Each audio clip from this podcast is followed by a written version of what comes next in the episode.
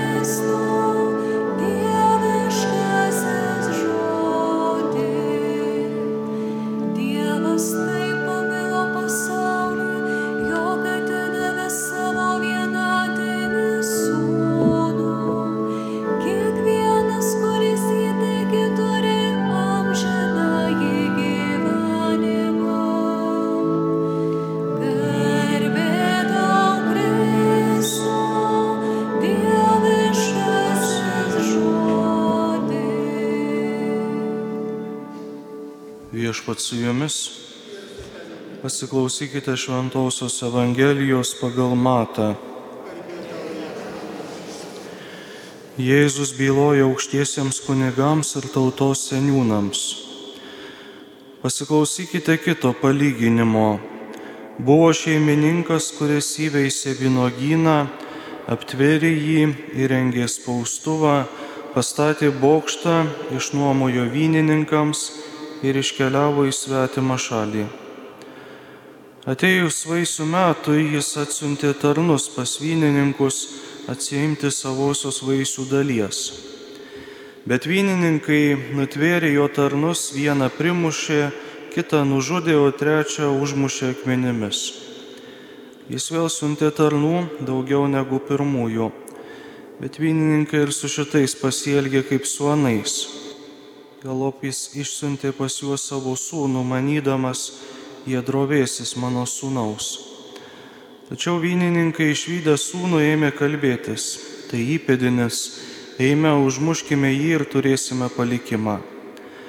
Nutvėrė jie, išmetė jį iš vynogyno ir užmušė. Tad kągi atvykęs vynogyno šeimininkas padarys su tais vynininkais?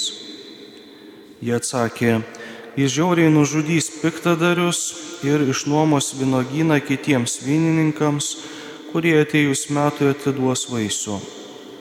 Tuomet Jėzus tarė, ar neskaitėte, kas parašyta raštuose? Akmuo, kurį statytojai atmetė, tapo kertiniu akmeniu. Tai viešpaties padaryta ir nuostabu mūsų akise. Todėl sakau jums, Dievo karalystė bus iš jūsų atimta ir atiduota tautai, kuri duos vaisių. Išgirdę palyginimus, vyresnieji kunigai ir fariziejai suprato, kad Jėzus kalba apie juos. Jie stengiasi jį suimti, tačiau bijojo liaudies, nes jie laikė Jėzų pranašu. Girdėjote viešpatie žodį. Evangelijose keletą kartų Jėzus mini būtent įvaizdį, vienogyno įvaizdį, tačiau tas įvaizdis nėra jo paties sugalvotas. Jis ateina iš Senojo testamento, ypatingai Izaijo knygos, kur būtent vynogynas simbolizuoja ne ką kitą, o kaip Dievo tautą. Iš tikrųjų, bažnyčios mąstytojai, ypatingai bažnyčios tėvai, jie kalbėjo, kad reikia netgi praplėsti šitą simbolį, kad vynogynas yra ne tik tauta, bet ir visas pasaulis. Kas esate buvę e, šventojoje žemėje, žinote, kad Jordano slėnis yra derlingas, tačiau yra vietų, kur žemė yra sausa, kur beveik dykuma prieš akis driekėsi, bet ir ten auga vynoginai. Taigi galite įsivaizduoti žmogus, kuris pasodina vynogyną tokioje žemėje, juo rūpinasi, jisai prisiriša prie jo. Taigi ir pasaulis, kurį Dievas sukūrė per šešias dienas, Dievas yra prie jo prisirišęs, jisai, jisai myli šitą pasaulį. Taigi, kas vyksta ir kas yra įdomu, kad Jėzus iš šito pasaulio vat, vynogyną įneša dar vieną elementą. Jisai sako, kad šitas vynogynas yra pavestas nuomininkams vynininkams. Tai reiškia žmonėms.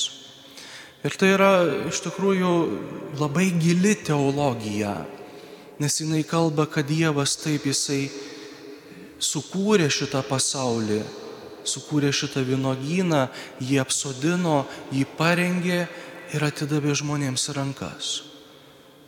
Tai yra vat, būtent tas bendradarbiavimo su Dievu elementas kuomet taip yra viskas Dievo malonė, bet žmogus jisai turi kultivuoti tą malonę, jisai turi ją apdirbti, ją rūpintis ir nešti vaisių.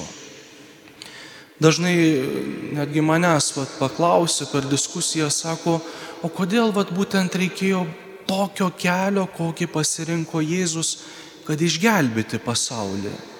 Kodėl Dievas, būdamas visagalis, kuris pasaulį sukūrė vienu žodžiu, staiga negalėjo tarti žodžio ir viskas būtų susitvarkę.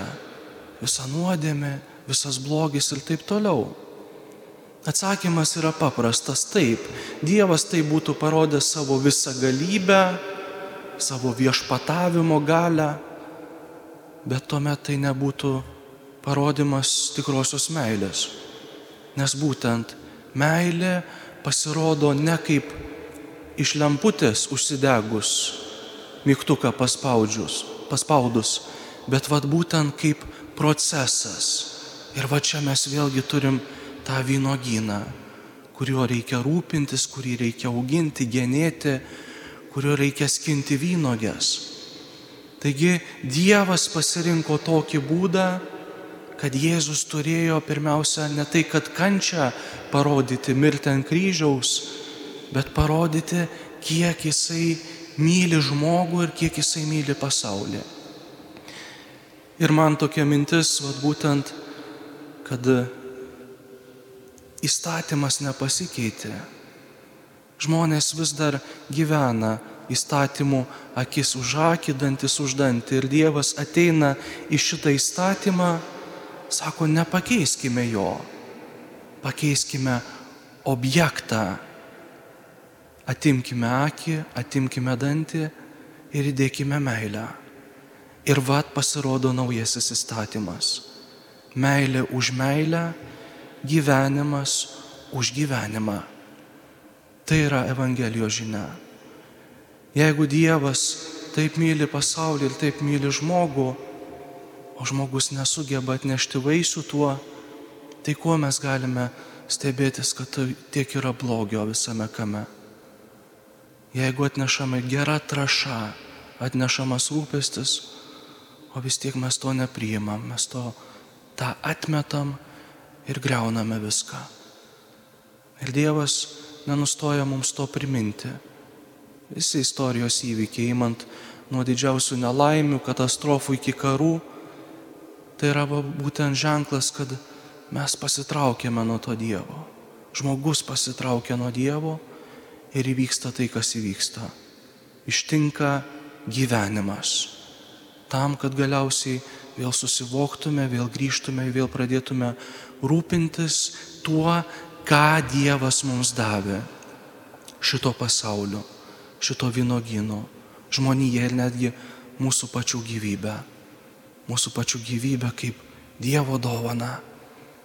Kaip Dievo dovana, kurios negali pasilikti savo, bet turi vėlgi dovanoti.